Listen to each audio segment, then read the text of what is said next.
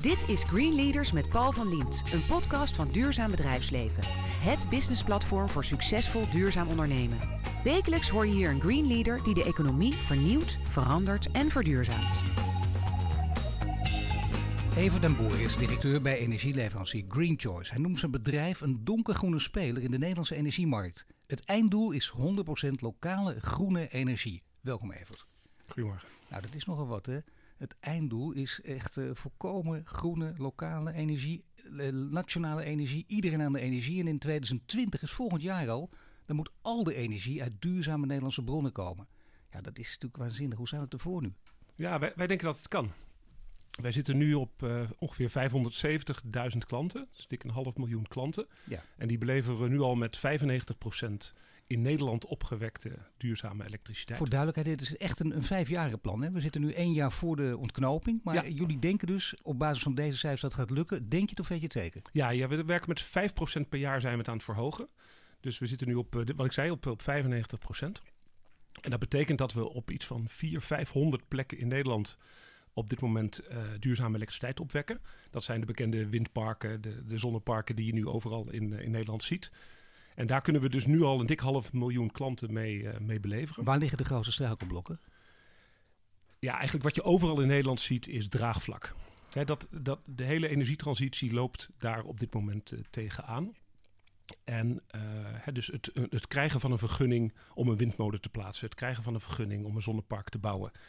Eh, je ziet soms trajecten die wel vijf tot tien jaar, zelfs langer dan tien jaar duren, voordat uiteindelijk een windmolen geplaatst kan worden. Of een Hoe zou je dat beter willen? Gewoon Nou, eh, wat- een beetje versoepeling, geen gezeur? Ja, wat, we, wat wij vooral proberen te doen, is de, de gebruikers daarin te betrekken.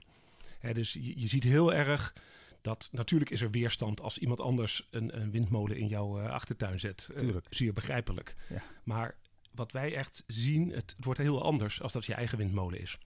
Dus wat, wat, wat wij onze klanten laten doen, is we laten ze eigenlijk participeren in die windparken, in die zonneparken. Dus via, vaak via crowdfunding acties laten we, laten we de klanten, klanten meedoen. We zorgen ook dat de stroom die wordt opgewekt, dat ze die zelf eh, kunnen afnemen. En je ziet dan eigenlijk echt iets veranderen. Dan is het dus niet meer iemand anders probeert een windmolen in mijn achtertuin te plaatsen.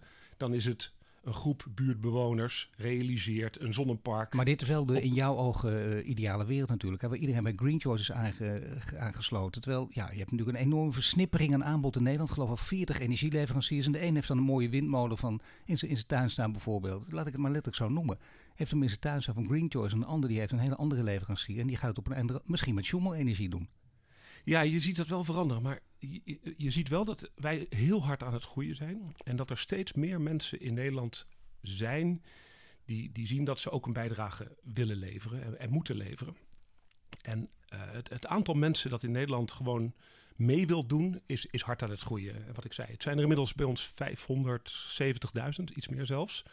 En dat zijn eh, typisch mensen, ja, wij, wij noemen het wel eens de, de, de de, de vooroplopers. Dat zijn mensen die erover nagedacht hebben en die zeggen van dit gaat niet goed, wat kan ik doen en, en, en een bijdrage leveren. Maar dat is een flinke groep. Als je dat de voorhoede noemt, de koplopers, de voorlopers. En Ja. meer dan een half miljoen. Dat is een groeiende groep dus, maar nog steeds een vrij kleine groep. Hè? Er zijn iets van, ja, wat zijn er, 7 miljoen eh, klanten in Nederland, Ja. hè, 7 miljoen 6,5 huishoudens. miljoen achterlopers. Ja, dus eh, er zijn er nog te- veel, te, veel te gaan.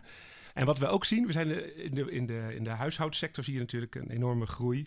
Maar ook zakelijk eh, zie je steeds meer bedrijven die echt een beleid maken rondom eh, duurzaamheid. En eh, veel van onze klanten zijn bijvoorbeeld gemeentes die invulling, invulling willen geven in hun duurzaamheidsbeleid. En ik denk dat wij op dit moment iets van 30, 40 procent van alle Nederlandse gemeentes beleveren met duurzame energie. Maar bijvoorbeeld ook de Rijksoverheid of de Nederlandse Bank. Hè, dus typisch organisaties. Zet geen echte zoden aan de dijk, geloof ik, hè? de overheid en de Nederlandse bank. Maar het is wel, het is aardig natuurlijk als symbool dat ze meedoen. Nou, ik denk dat dat wel heel erg toonaangevende organisaties zijn. En wat ik eigenlijk het belangrijkste vind is, zodra je ziet dat organisaties gaan nadenken over ja, wat is er nu allemaal aan de hand in de wereld, welke bijdrage kan ik leveren, dan zie je ze eigenlijk vrij snel de- daarna de keuze maken van oké, ik, ik, ik wil voor Nederlandse duurzame energie gaan en gaan op zoek naar een energieleverancier. Ik denk dat, je gelijk hebt. Dit is allemaal waar natuurlijk. Hè. Dat is zeker zo dat, uh, dat, dat je belangrijke voorhoedespelers nodig hebt. Ook grote bedrijven die meedoen of uh, grote spelers. Aan de andere kant hebben we Nederland ook te maken met, ik wil niet vervelend doen, maar toch even dit punt neerleggen met de vertrouwenscrisis. En uh, ja. waarbij veel mensen nou niet denken, nou de Nederlandse bank doet het, doe ik het ook. Misschien wel in tegendeel. Ja, je, je, je ziet, vind ik ook, ik, ik, maak me daar ook wel zorgen over. Je ziet op dit moment een enorme polarisatie in die discussie uh, optreden. Um, maar ik heb wel zoiets dat als die voorhoede, als die eenmaal om is, dan zie je wel dat steeds meer mensen daarna zullen, zullen volgen. Een, een, goed voorbeeld vind ik uh, mensen met zonnepanelen. Ja. He, je, je, je, kent dat soort mensen wel die op een feestje met hun app rondlopen om te laten zien uh, wat hun zonnepanelen gisteren uh, hebben geproduceerd. Ja, leuk. In, in het begin zie je dat mensen daar wat kritisch over zijn, maar in heel veel straten zie je bijvoorbeeld hè, die voorhoede die begint, die legt zonnepanelen op zijn dak, die praat daarover met zijn buren. En, en op een gegeven moment zie je daar toch een soort enthousiasme komen. En dan zie je toch dat steeds meer mensen volgen. En dus die voorhoede heb je ook echt nodig om die bewegingen in gang te zetten. En, en ik geloof zelf wel dat als je maar op, op een gegeven moment over een soort doodpunt heen bent, dan, dan volgt er een veel bredere uh, uh, groep uh, en die ook richting die duurzaamheid. Maar gaat. dat is een interessant, hè? want je bent al lang in deze sector actief en je bent ook al lang natuurlijk bij Green Choice actief. Je hebt niet voor niks ook gewoon deze ambitie groot neergezet. Volgend jaar moet die dus echt uh, culmineren, dat kun je bijna zeggen. Ja. Maar betekent of we echt letterlijk een culminatiepunt bereikt hebben. Maar uh, dat dode punt, zijn we er al overheen? Eerlijk gezegd, als je kijkt in de elektriciteitssector. Hè, dus je moet even, een energieleverancier levert natuurlijk elektriciteit, maar ook aardgas.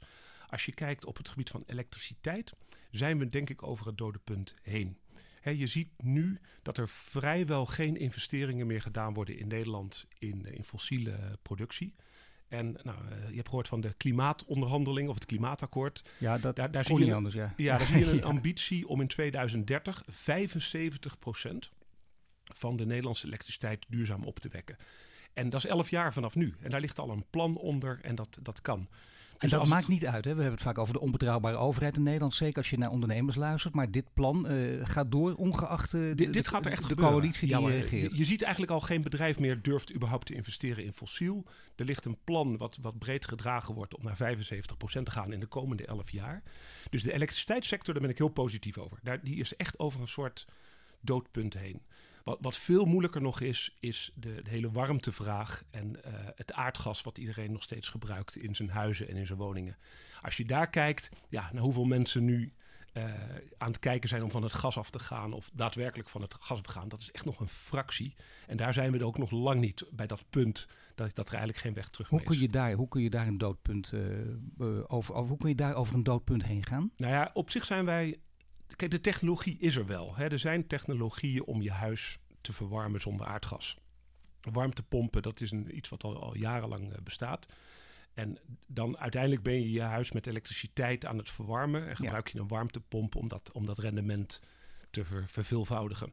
Dus die technologie is er wel. Je ziet alleen nog wel dat in het belastingssysteem... dat er heel veel energiebelasting wordt geheven op elektriciteit. Dus het is gewoon duur ja. om nu al een warmtepomp te installeren. Um, en, maar daar wordt ook over gesproken om de, de, de energiebelasting van, van elektriciteit wat af te gaan halen. Zodat het ook economisch gewoon aantrekkelijker wordt. Nou, dat klinkt heel geruststellend, hè? zoals je ja. nu zegt. Maar uh, dat weten we allebei. Dat is een fikse discussie over. Ja. Zeker in Nederland. Dan gaat het natuurlijk altijd toch over, over het geld. En krijgen we korting. En wat is Absoluut. het goedkoopste? Ja, ja, dus, dus, dus, dus wat ik zeg, aan, aan de, aan, om van het gas af te gaan, de hele transitie om van gas naar, naar elektriciteit te gaan, daar hebben we nog heel veel werk te doen.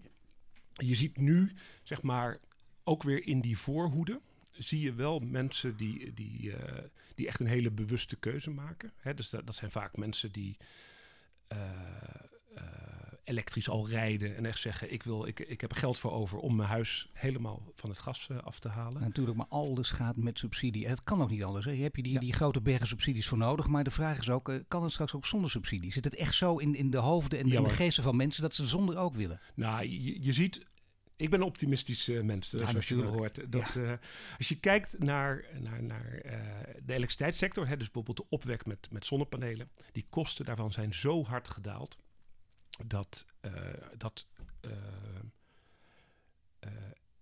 zonne-energie, dus met, met zonnepanelen, echt kan, kan concurreren met, met alle fossiele bronnen. Maar het is, dit is heel moeilijk, want dit blijft voor ons, voor wie dan ook, wie ik de vraag zal speculeren. Maar ik bedoel, is dat ook een kwestie van een paar jaar? Ik bedoel, kan het zo snel gaan? Ja.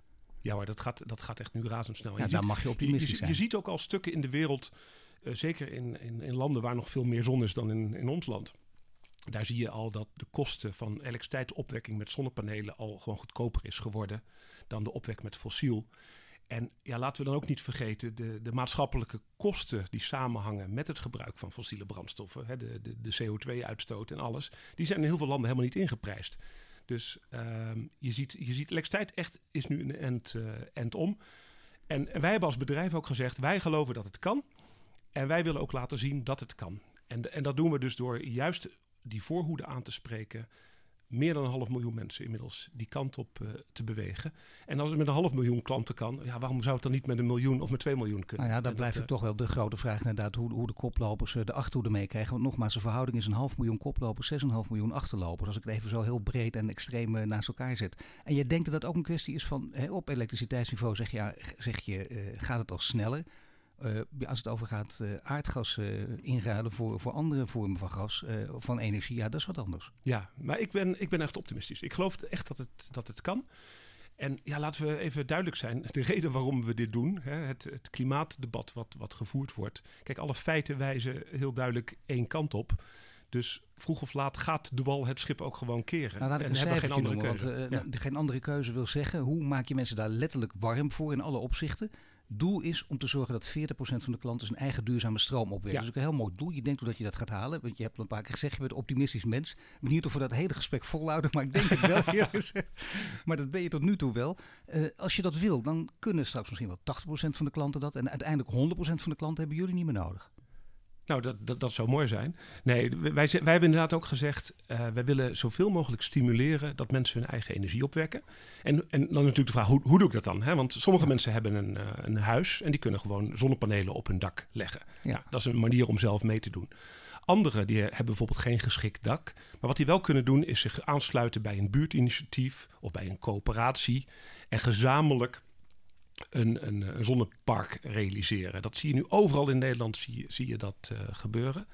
Uh, wat we ook toestaan of, of, mogelijk maken, is dat mensen, waar, waar, ik het net over had, investeren in een windmolen of in een zonne, ja. uh, zonnepark. Nee, maar stel dat je het allemaal kan, hè? Is, is het ja. uiteindelijk het doel van Green Choice dan zichzelf opheffen?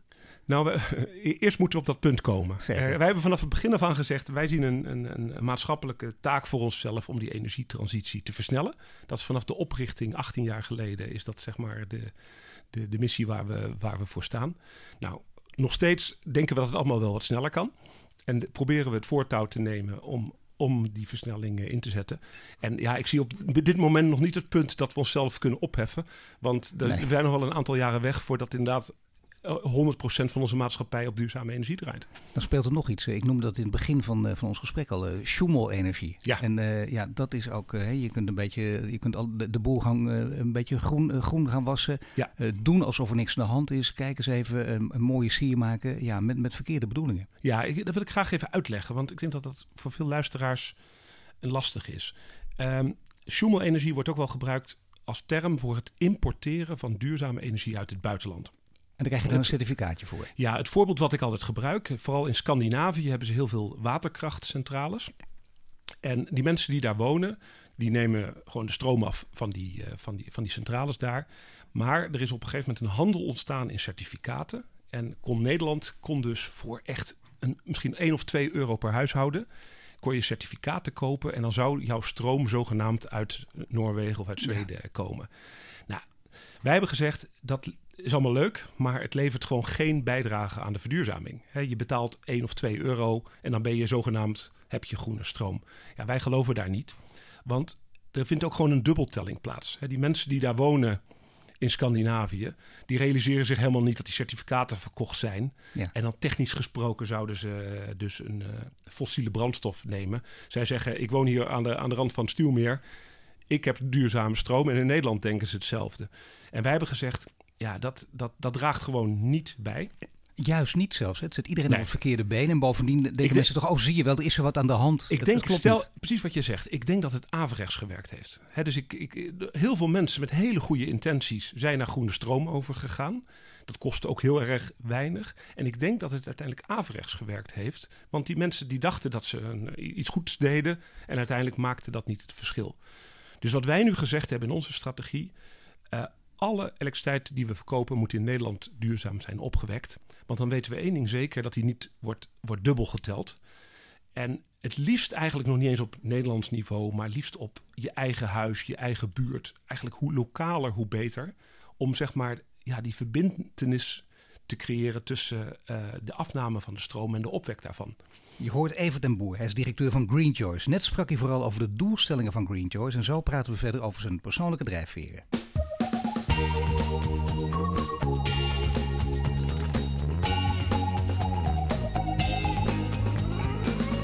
mij in de studio Evert den Boer, directeur van Green Choice. Net sprak hij over de ambities van Green Choice. Nu praten we verder over zijn achtergrond. Ja, was je altijd al bezig met duurzaamheid? Eh, op de manier zoals je net ook sprak, de positieve duurzame jongen. Toen je tien was, wist je al, ik ga een duurzaamheidsgoeroe worden, of niet? Uh, nou, ik denk dat ik hier heel eerlijk moet zijn, want iedereen kan zien wat ik gedaan heb. Nee, ik, ik ben van achtergrond een, uh, een Delfts ingenieur. Ik heb toegepaste geofysica gestudeerd in Delft. En ik ben dus eigenlijk opgeleid als seismoloog.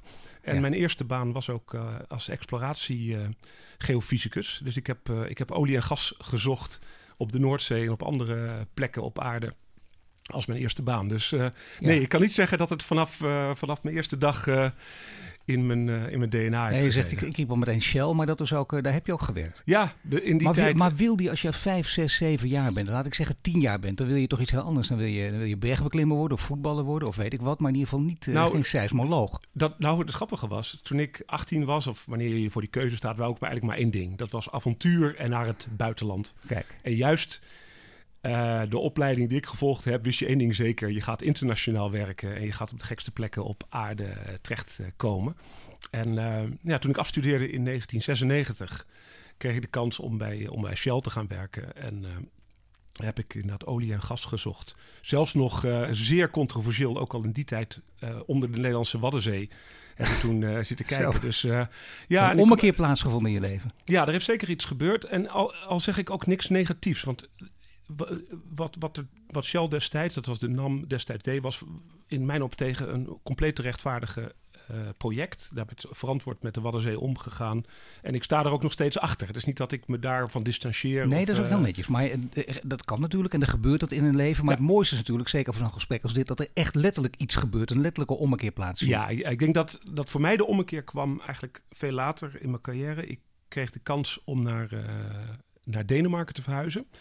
Ik werd uh, verantwoordelijk voor uh, de sales bij Dong Energy, een, een Deens bedrijf. En uh, toen ben ik een jaar of zes, zeven geleden met mijn gezin naar Kopenhagen verhuisd. En ik denk dat daar echt het kwartje bij mij gevallen is.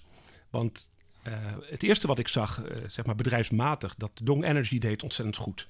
Dong maakt, bouwt offshore windparken en is daar wereldmarktleider in. En in eigenlijk de tijd dat de hele Europese energiesector op zijn gat lag, beurskoersen halveerden in die tijd, uh, was daar Dong. En die investeerde in duurzaam, in offshore wind. En die verdubbelde zijn beurswaarde. En was gewoon heel succesvol. Dus ik zag daar dat... Ja, de Missie duurzame... en handel gaan, gaan hier samen. Dat, dan ligt er ook echt een model, een economisch model aan de grondslag. En dan wordt het ook interessanter. Ja, dus, dus, dus die duurzame bedrijven begonnen het gewoon veel beter te doen. Ik denk dat vanuit, vanuit professioneel oogpunt heb ik dat daar gezien. Maar ik woonde natuurlijk ook in, in, in Kopenhagen. Ja, je spreekt ook Deens? Uh, dat wil ik niet zeggen. Ik versta het een beetje. Ja. Uh, maar je ziet als je kijkt in de lijstjes van wie loopt er nou voorop als het gaat om de verduurzaming, dan is, uh, is Denemarken denk ik de nummer één. En ik, denk, een... ik denk dat Denemarken en Scandinavië sowieso heel interessant zijn. En misschien om dadelijk even over door te praten. Maar voor het vergeten, uh, ik vroeg je net uh, wat je ambitie was toen je heel jong was, heb je duidelijk verteld. En, en wat, waar de ommekeer plaatsvond. Ja. Maar ja, je hebt natuurlijk ook ouders. En, en, en, die doen ook iets. En die hebben ook vaak invloed op je leven. Absoluut. Wat was de achtergrond van je ouders? Ja, nou, ik kom echt uit een energiefamilie. Ja. Ik ben opgegroeid in, uh, in Zeeland. En mijn vader was uh, bedrijfsdirecteur van de, de kerncentrale in Borselen.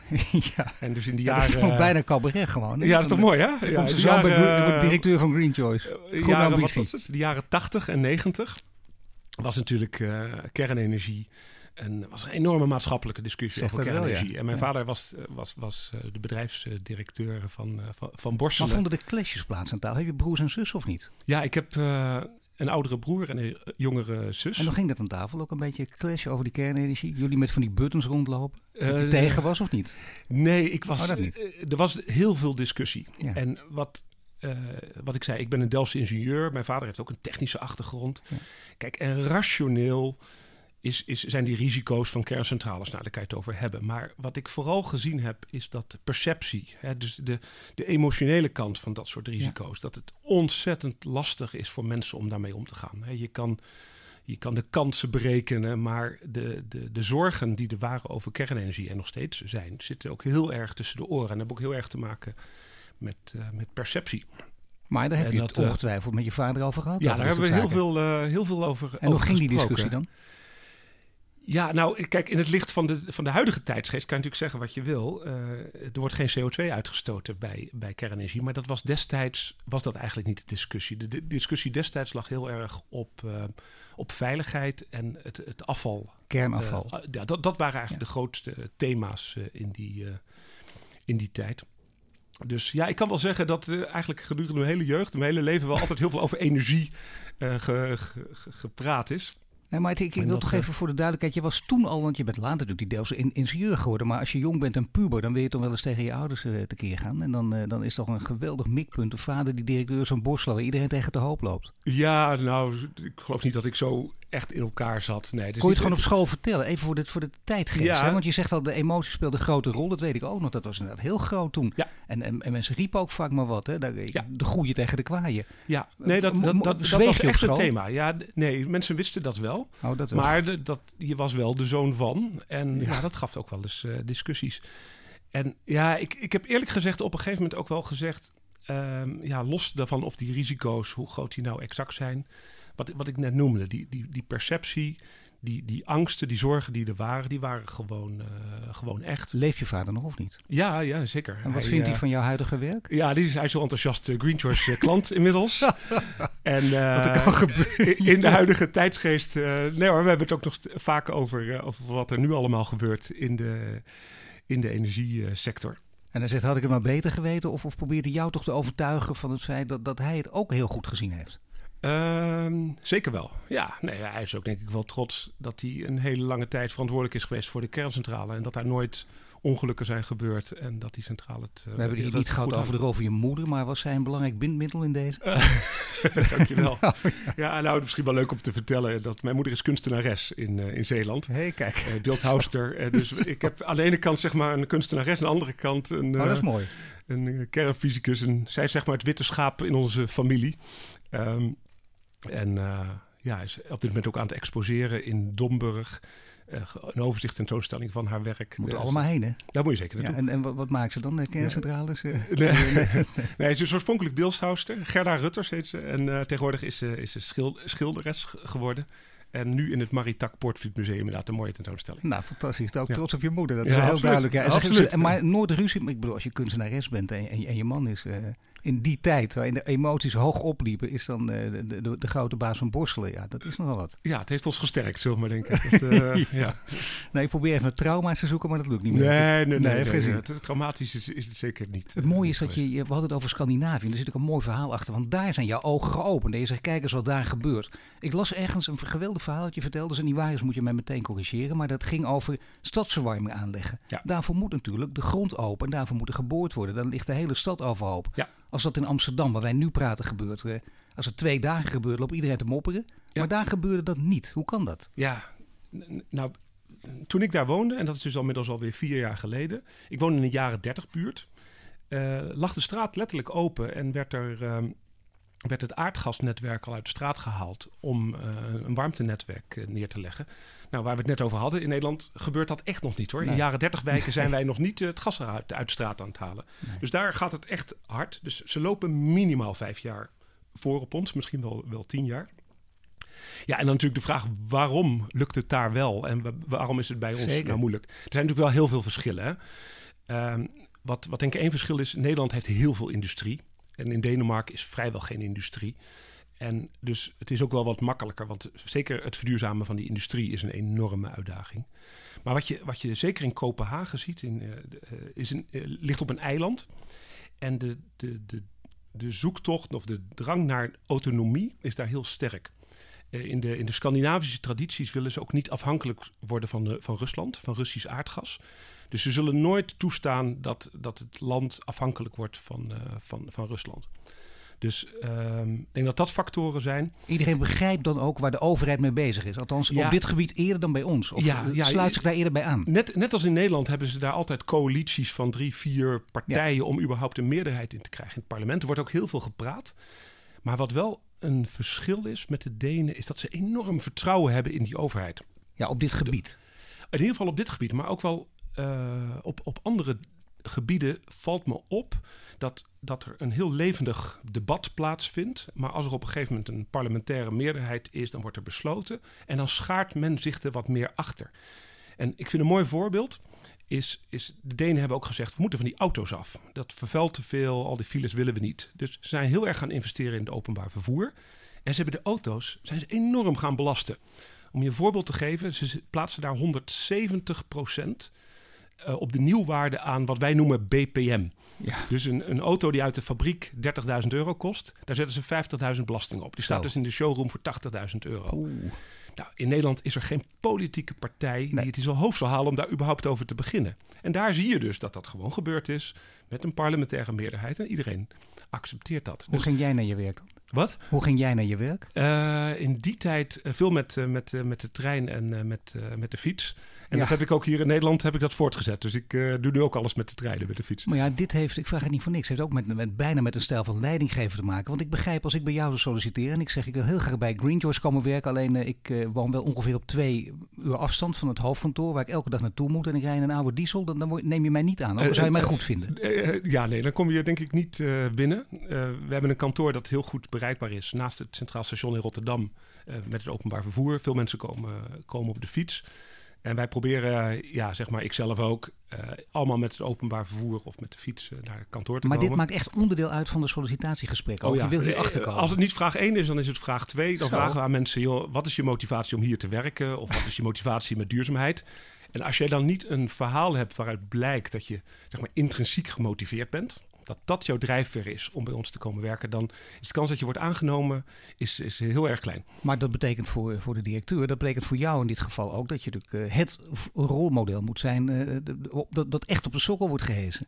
Nou ja, ik, ik, ik, denk dat je die, die motivatie zelf moet hebben. En dat, dat, dat je dat als, als leidinggevende mee moet brengen. En dat zit ook Echt zo diep in, in de organisatie. in alles, hè? Dat gaat in over alles. alle details. Want ik bedoel, ja. iedereen, als je een beetje gaat sturen, dan kun je altijd wel iets vinden. Ja, Nee, dat, en ik, ik, moedig het ook bewust aan. Want heel veel van, van de discussies die wij intern hebben, dan denk je ook. Nou, we hadden laatst bijvoorbeeld een mooi voorbeeld. Toen had er iemand bedacht dat er toch een, een, een frisdrankautomaat uh, geplaatst zou, zou moeten worden bij ons op kantoor. Nou, er ontstond een hele brede discussie of dat nou wel of niet te verantwoorden was. In een bedrijf als het onze laat ik die discussie dan ook gewoon rustig eens eventjes ja. lopen, kijken wat er uitkomt. En dan zie je toch dat de meerderheid van de medewerkers zegt: nee, dat, dat moeten we niet doen, dat past niet bij ons, daar, daar, daar, daar doen we niet uh, aan, aan mee. En je ziet dus wel dat ja, waar wij voor staan, zeg maar, in de, in de, in de duurzame energie wil verkopen, willen we echt in alles laten terugkomen. En dat, dat, dat gaat van hoe we, hoe we reizen, wat we eten, de, de koffiebekertjes, overal laten we het in terugkomen. Maar word je daar niet uh, heel erg krampachtig en, en correct van? Ja, ja. Ik zou bijna denken, ik zou dat ook willen. Stel dat ik dat allemaal zou doen, allemaal, dan zou ik op een gegeven moment toch uh, helemaal tegen de draad even in willen gaan. Ja, maar Tenminste één dag per maand. Ik, ik, ik denk dat dat. Uh, ik denk dat mijn eigen rol daar ook bescheiden is. Ik denk als ik iets zou willen beslissen wat daar tegenin zou gaan, dat mensen ook in de organisatie het niet eens zouden accepteren. Zo. Dus ik denk dat dat, dat, dus dat zit echt wel diep in ons. En dat is iets wat ik heel erg koester. Dat vind ik heel bijzonder dit hoor. Want, maar dat, dat, ja, nee, ga verder. Want je, want je, ja, je weet dus, kijk, al die collega's van mij, die zitten dagelijks aan de telefoon met onze klanten, met onze, partners. En dat valt mensen op. Dat, dat, dat, je dus, dat het bij ons niet een soort marketing sausje is wat er, wat er overheen gelegd wordt. Dat, dat, die, dat die motivatie heel diep zit. En ja, zeker in de tijden nu van met, met social media. Mensen kijken recht je organisatie in. De, de, de tijden zijn gewoon voorbij dat jij aan de binnenkant gewoon een, een bedrijf was en aan de buitenkant iets anders probeerde Nee, je te zijn. moet niet jongelen op geen enkel gebied. Dat zien hele grote bedrijven als ING, die merken dat ook. Bayer merken dat ook. Hè. Ja. Daar gaan, eh, de, de Die tijden zijn gewoon voorbij. Dus, dus probeer maar echt maar eerst te zijn wat je wil zijn. En ga het daarna uit proberen te stralen dan, dan andersom. En ik, ik zie heel veel bedrijven daar ook in de problemen komen. Dus ze zijn eigenlijk intern nog helemaal niet waar ze willen zijn. En dan huren ze een, een marketingbureau in... die heel hard van de toren gaat blazen hoe, hoe duurzaam ze Sjoemelen en zijn. greenwashen ligt dan echt op de loer. Ja, en daar, en daar prikken mensen dwars doorheen. En ik denk ook dat dat, dat explodeert ook echt in je gezicht. Dat is een ver- ver- verspilling van geld. eh, en, en klanten accepteren dat gewoon niet. We Want die- proberen hier in deze serie erachter te komen wat duurzaam leiderschap is. Je geeft wel een paar flinke voorzetten natuurlijk ook. Maar als je het zou omschrijven, een beetje zo, zo spelende wijze, als we nu aan het praten zijn, wat, waar, waar komt het op neer, duurzaam leiderschap? zorg dat- Intrinsiek nou, gemotiveerd zijn Ja, sowieso. be- zorg dat het echt is. Dat, da- da- daar begint het denk ik mee. Ehm, wees ook voorzichtig met je verhaal te, hoe zeg je dat, te overcellen. Te, je groter voor te doen dan dat je bent. Dus de begin- moral high ground, hè, Ja, die verspreiden. Daar moet je Dat- dat- heel erg ja. mee uitkijken, want je krijgt het gewoon dubbel zo hard terug. Hè? Dus, dus begin nou maar gewoon de goede dingen te doen die jij denkt dat, dat, dat nodig zijn. En eh, een, een voorbeeld daarvan is, eh, er wordt in de energiesector elk kwartaal een lijstje gepubliceerd wat iedereen uitgeeft aan, aan marketinguitgaven. Wij zijn er trots op dat wij nooit in de top 10 staan. Dus we zijn trots op dat we eigenlijk ondercommuniceren in, in wat, wat, wat we doen. Want ja, wij hebben het gevoel dat, dat mensen dus echt oppikken. Dat ze dan verrast zijn hey, van, van wat je daadwerkelijk doet. Ja, hoewel de Dus- naam eh, uit een mooie marketingmode komt natuurlijk, hè, Green Choice. Ja, die is ooit eh, bedacht door een klant. Echt bij de, bij de Kijk, oprichting. oh, Acht jaar geleden. Ja, dat dus, kan eh, niet. En hoe ja. is de klant beloond? Dat weet ik niet meer. Dat was, toen was ik er nog niet. Dat, Nee. Partijtje Argentijnse biefstukken, maar dat is heel flauw natuurlijk. En een grote dieselauto, daar moet je er allemaal niet aan denken. Als dat gebeurt, de jonge generatie, je zou bijna zeggen, als je toch positief gestemd bent, met jonge generaties komt het allemaal wel weer goed, want die willen dit ook allemaal. ja. Nou, Die de- vinden de- het belangrijker de- dan twintig jaar geleden. De gemiddelde leeftijd bij ons is denk ik 32. En er Ja. zitten heel veel mensen zeg maar, van de millennial generatie... Ja. waar, waar purpose, zoals we het mooi in het Engels Ja. zeggen... Hè, dus de intrinsieke motivatie voor wat bedrijf heel erg be- belangrijk eh, is. Maar daarnaast willen we ook meten en weten. En kun jij dit soort eh, ideeën die je nu hebt, deze, deze duurzaamheidsidealen, kun je die ook meten? Echt keihard meten en aflezen aan cijfers. Ja, absoluut. Ja, ik bedoel, het bedrijf zoals wij dat runnen... is gewoon een, een, een Rotterdams eh, bedrijf. Ja. Wordt zeer zakelijk eh, gerund. En wat denk ik heel positief is... is we zijn ook gewoon heel eh, gezond winstgevend. En het bedrijf zelf wordt gewoon, ja, gewoon gerund als, als, een bedrijf waarbij wij alles meten van, van, van klanttevredenheid, onze duurzaamheidsdoelstelling, de medewerkertevredenheid, de klanttevredenheid. Eh, al die dingen eh, worden gewoon eh, zeer frequent gemeten. Aan het woord is Evert en Boer. En net spraken we over zijn achtergrond. Zo praten we verder over de energietransitie.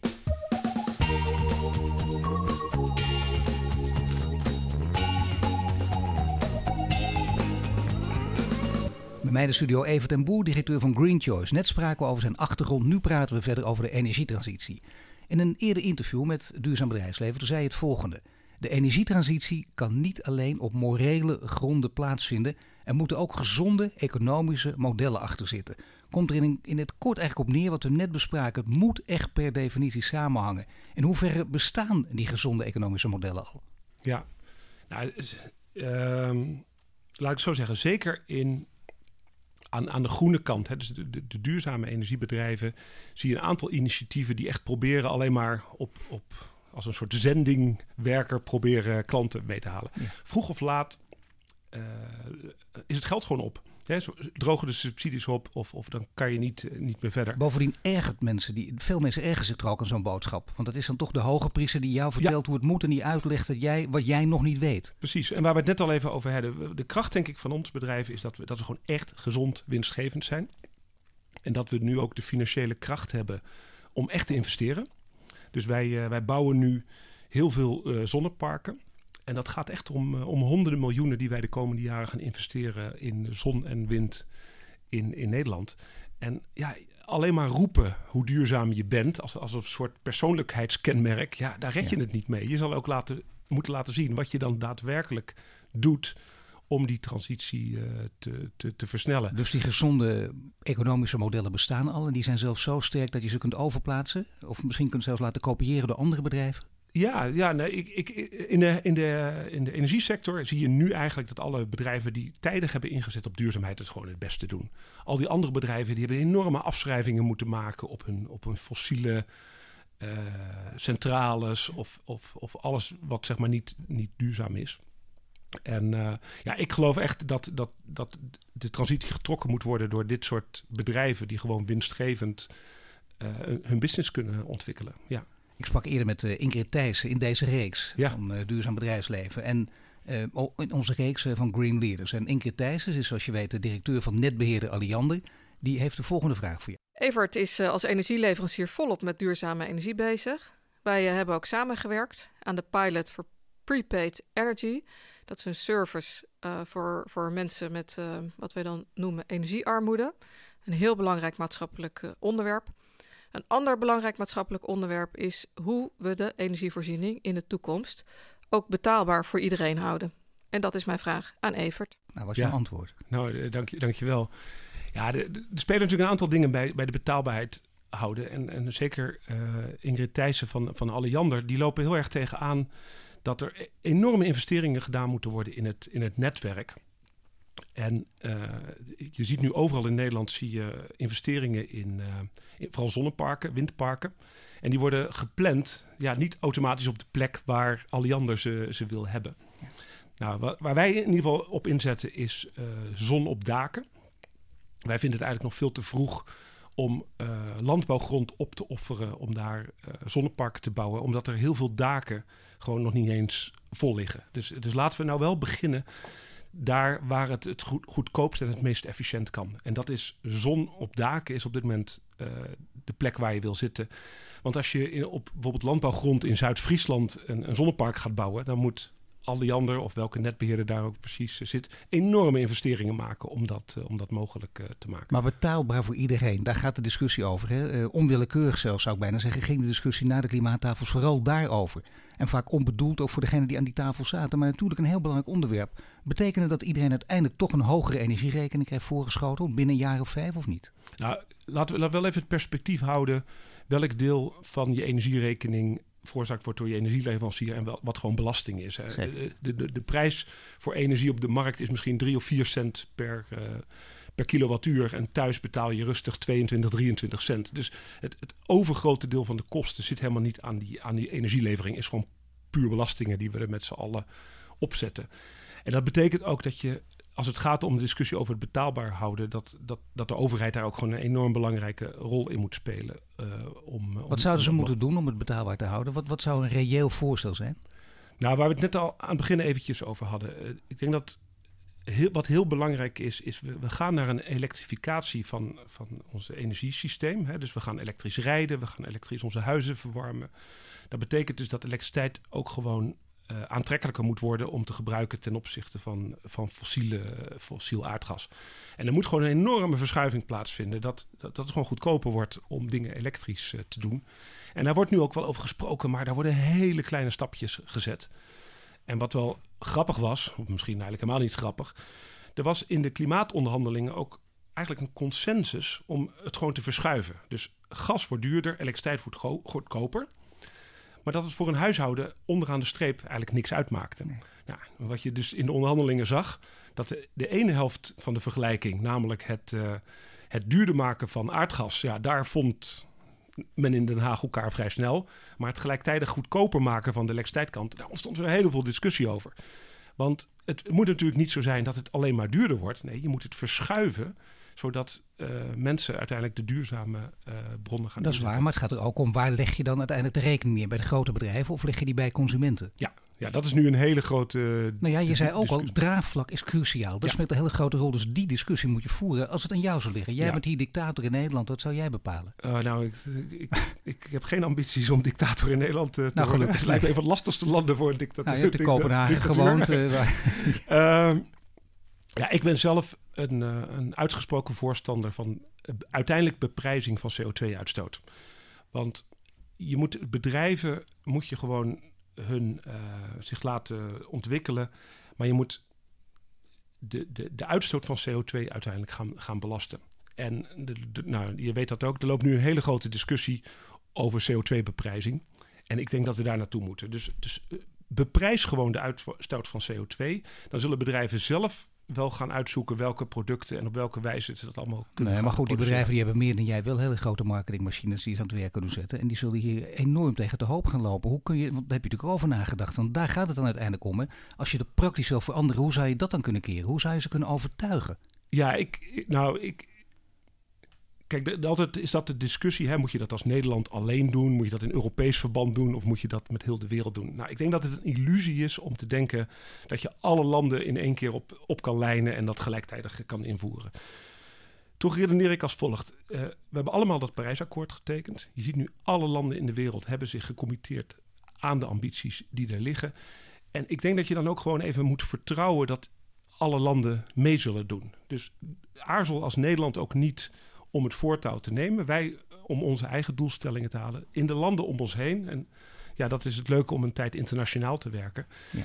Het gaat gewoon in de landen om ons heen op dit moment harder dan in Nederland. Als je kijkt wat er in de UK gebeurt, wat er in Scandinavië gebeurt, wat er in Duitsland gebeurt. Maar even, wacht even. Ik heb ook mensen gesproken, die, uh, en, en, sowieso ook buiten deze, deze, deze reeks om, uh, die al heel lang in Frankrijk wonen. En die zeggen, nou, wij zweren bij kernenergie. Ook een heel groot land, het tweede grootste land van Europa. Ja. Wat zeg je daar dan tegen die mensen? Uh, daar zeg ik niet zo heel, heel veel tegen. Ik, ik, ik, kijk, laat ik een andere straatje. Wij hebben als, als Greenpeace op een gegeven moment gezegd... laten we stoppen met aardkloten. Hè, dat, dat eindeloos maar praten en uiteindelijk niks doen. Wat, wat, wij proberen te doen is, jongens... er is met de huidige technologie is er al heel veel mogelijk in Nederland. En laten we nou eerst gewoon gaan doen wat nu al kan... En laten we nou niet te veel om ons heen kijken en naar anderen kijken. En gewoon zelf het heft in handen nemen en, en doen wat er. Wat er, wat er wat ja, maar dan blijft het toch een soort geloof. En dan zeggen veel mensen ook van uh, ja, dat klinkt heel erg leuk, maar ik wil liever geen koploper zijn. Ik wil wel meegaan. Eerst even kijken hoe het bij anderen uitpakt. En dan wil ik graag meedoen. Ja, ja, Mensen die houden van op zeker spelen. Ja, ik, ik, heb, ik, ik draai dat liever om. Uh, ik, ik zie ook. Kijk, natuurlijk hebben wij ook klanten hè, van. Uh, maakt als ik zonnepanelen op mijn huis leg, red dat dan de planeet? Nou, het antwoord is denk ik nee. Maar je ziet wel steeds meer mensen die gewoon zeggen: ik wil een bijdrage leveren. Hoe klein die ook is, ik, ik ben op zoek naar wat ik kan doen. En bedrijven zoals Greentour spelen daarop in. Hè? En, en, en mensen kunnen al heel veel doen. Gewoon met de technologieën, met, met, met wat er nu beschikbaar is. en het kan ook gewoon uit. Kun je vertrouwen op de technologie? Dat wil zeggen dat de technologie zo voortschrijdt, dat van, hoe je het ook noemt, hè, uh, voortschrijdt en digitalisering sowieso, dat we daar heel veel van kunnen verwachten? Ja, ik, ja wat, wat, wat, schappig wat wij ook zien, is eh, als iemand bijvoorbeeld zonnepanelen neemt dan had ik het al over, dan gaan mensen kijken van wat wekt dat dan op. Ja. Nou, die interesse is er natuurlijk bij mensen die, daarvoor eigenlijk helemaal nooit. En je ziet dan mensen bijvoorbeeld ook er een sport van maken om te kijken of ze hun eigen verbruik kunnen matchen met hun eigen opwek. In plaats van de beursberichten volgen bijvoorbeeld. Oh, je, je ziet, wij zien uh, klanten soms twee keer per dag op hun app kijken om te kijken uh, wat die zonnepanelen doen. En je, je, ziet dus, zodra je mensen daarin in betrekt, kan je met je gezin of met je huis ook er een sport van maken. Van jongens, zullen we morgen proberen net zoveel energie op te wekken als dat we met z'n allen verbruiken. En zodra mensen daarover na gaan denken, dat soort interesses krijgen, zie je dat ze ook met besparing aan de slag gaan. En dat er dus veel meer gebeurt dan, dan, dan alleen maar een paar zonnepanelen. Dat is een belangrijke stap. En dat leidt ook uh, waarschijnlijk tot meer draagvlak. Als steeds meer mensen dat gaan doen. Maar draagvlak kun je ook verkrijgen via de politiek en op een manier die we nog niet besproken hebben. Uh, namelijk uh, zorgen voor verdergaande democratisering. En daar kun je dus heel veel dingen onder verstaan. Sommige partijen, sommige kiezers vinden dan dat je een referendum moet houden over dit hele belangrijke onderwerp. Wat vind je daarvan? Nou, oh over het nou, referendum weet ik niet. Positief. Die, die, democratisering, daar geloof ik wel uh, heel erg in. betrek nou die mensen in, in die energietransitie. Ja, meer dan bij die klimaattafels, want daar werden mensen helemaal niet bij betrokken. Ja, nou, nee, op het oog wel, maar ja, er zaten toch verder heel veel over hele lange details, saai pratende man en vrouw. Ja, voor, voor mij was het ook de eerste keer dat ik zo dicht bij zo'n polderend Nederland uh, betrokken werd. op een gegeven moment. Uh, Wat je daar vrolijk van? Nou, kijk, waar het denk ik mee begint is. Uh, onze regering heeft, heeft, heeft een ambitie neergelegd om in 2030 49% CO2-uitstoot te beperken. Dat is nog 11 jaar vanaf nu. Als je kijkt naar hoe de CO2-uitstoot in Nederland zich ontwikkeld heeft, is het eigenlijk alleen maar omhoog gegaan. om dat eigenlijk een halvering in elf jaar te bereiken, moet je met één ding beginnen. Daar moeten gewoon draconische maatregelen volgen. Je moet dus erin gaan met het idee, jongens, we moeten echt iets veranderen. Anders gaat het niet lukken. En wat mij opvalt aan die klimaattafels, is dat uiteindelijk er toch gepolderd wordt naar hele kleine stapjes. En ja, ik, ik denk dat dat niet de goede insteek is. Ik denk dat je ook duidelijk moet zijn naar iedereen. Jongens, er gaat echt wat, wat veranderen. Maar welke politicus durft dat? Welke bestuurder durft dat? Nou, ik, ik denk dat dat, dat dat heel moeilijk nog steeds in Nederland is. Om gewoon je nek uit te steken en gewoon zeggen waar het op staat. Als de CO2-uitstoot moet alveren, dan moeten er gewoon een paar stevige maatregelen genomen worden. En dan kan je ook prima uitzoeken wat die maatregelen moeten zijn. En ik zie dat men daar heel erg in aarzelt in Den Haag. En allemaal probeert met hele kleine stapjes en net te doen alsof er niks verandert. Maar er gaat wel degelijk wat veranderen. Ja, dat betekent dus dat democratisering een grote rol kan spelen. Niet in de vorm van een referendum. Wat zou de beste mogelijke, best mogelijke manier zijn om dit wel voor elkaar te krijgen? Als we die leider niet hebben die dit durft te doen, die, die draconische maatregelen durft te nemen. Ja, ik, wat ik zei, ik, ik ben, of nou, ik zei nog niet, maar ik ben geen politicus. Eh, maar je hebt wel ambitie. Ik zie wel, nee, ook totaal niet. Nee, maar wat ik wel zie is uh, dat ook die mensen die heel dicht betrokken zijn bij die klimaatonderhandelingen en ook zien dat het allemaal heel veel te langzaam gaat. Er is wel een sentiment aan het ontstaan in Nederland van mensen die zeggen: Nou, het is allemaal best. Wat kan ik doen? En op die groep willen wij inspelen. En die mensen kunnen heel veel. Er zijn zelfs mensen die, die niet zo geduldig zijn. En, en dat, echt, echt, dat zijn wij volgens mij allebei ook niet. We willen gewoon dat wat dan ook in het leven snel gaat. Dat, dat idee heb ik gewoon als ja. we nu praten zijn. Maar dat het vanzelf zich oplost, zeggen sommigen ook, met nieuwe generaties. Nou, en waarschijnlijk al één en misschien twee, maar dan is het ook zover. Ja, wat, wat grappig is, volgende week starten wij een, uh, een actie Daken kraken. Zo. Dat is een campagne waar we ook mee op radio en televisie gaan. En wij horen zoveel mensen die ook gewoon zeggen, die, die fietsen door hun stad en die zeggen: Ik zie al die daken en er liggen niet eens zonnepanelen op. Nou, en wat we nu Nederland gaan oproepen is om daken te kraken. He, wijs daken aan waarvan jij denkt, die moeten we gewoon volleggen met, met zonnepanelen. Maar dan was je geen actievoerder in de tijd van je vader met borstelen, maar nu wel dus. Eh, nu gaan we daken kraken, ja. Daken het is een, een, een, knipoog naar de, naar de kraakbeweging. Even ten boer de daken kraken. Ja, en er zijn veel mensen die, die willen echt uh, op dit moment gewoon uh, vooruit. En dat, uh, daar, daar proberen wij op in te spelen. Nou, mooi positief einde van dit gesprek. Ik dank je wel, Evert. Evert en Boer van Green Choice. En je luisterde naar de Green Leaders podcast van Duurzaam Bedrijfsleven. Volgende week zijn we terug met een nieuwe Green Leader. Dit was de Green Leaders podcast voor deze week. Volg onze website voor meer nieuws over succesvol duurzaam ondernemen. Wil je meer afleveringen luisteren? Abonneer je dan nu via iTunes of Spotify en krijg een melding wanneer er een nieuwe podcast online staat.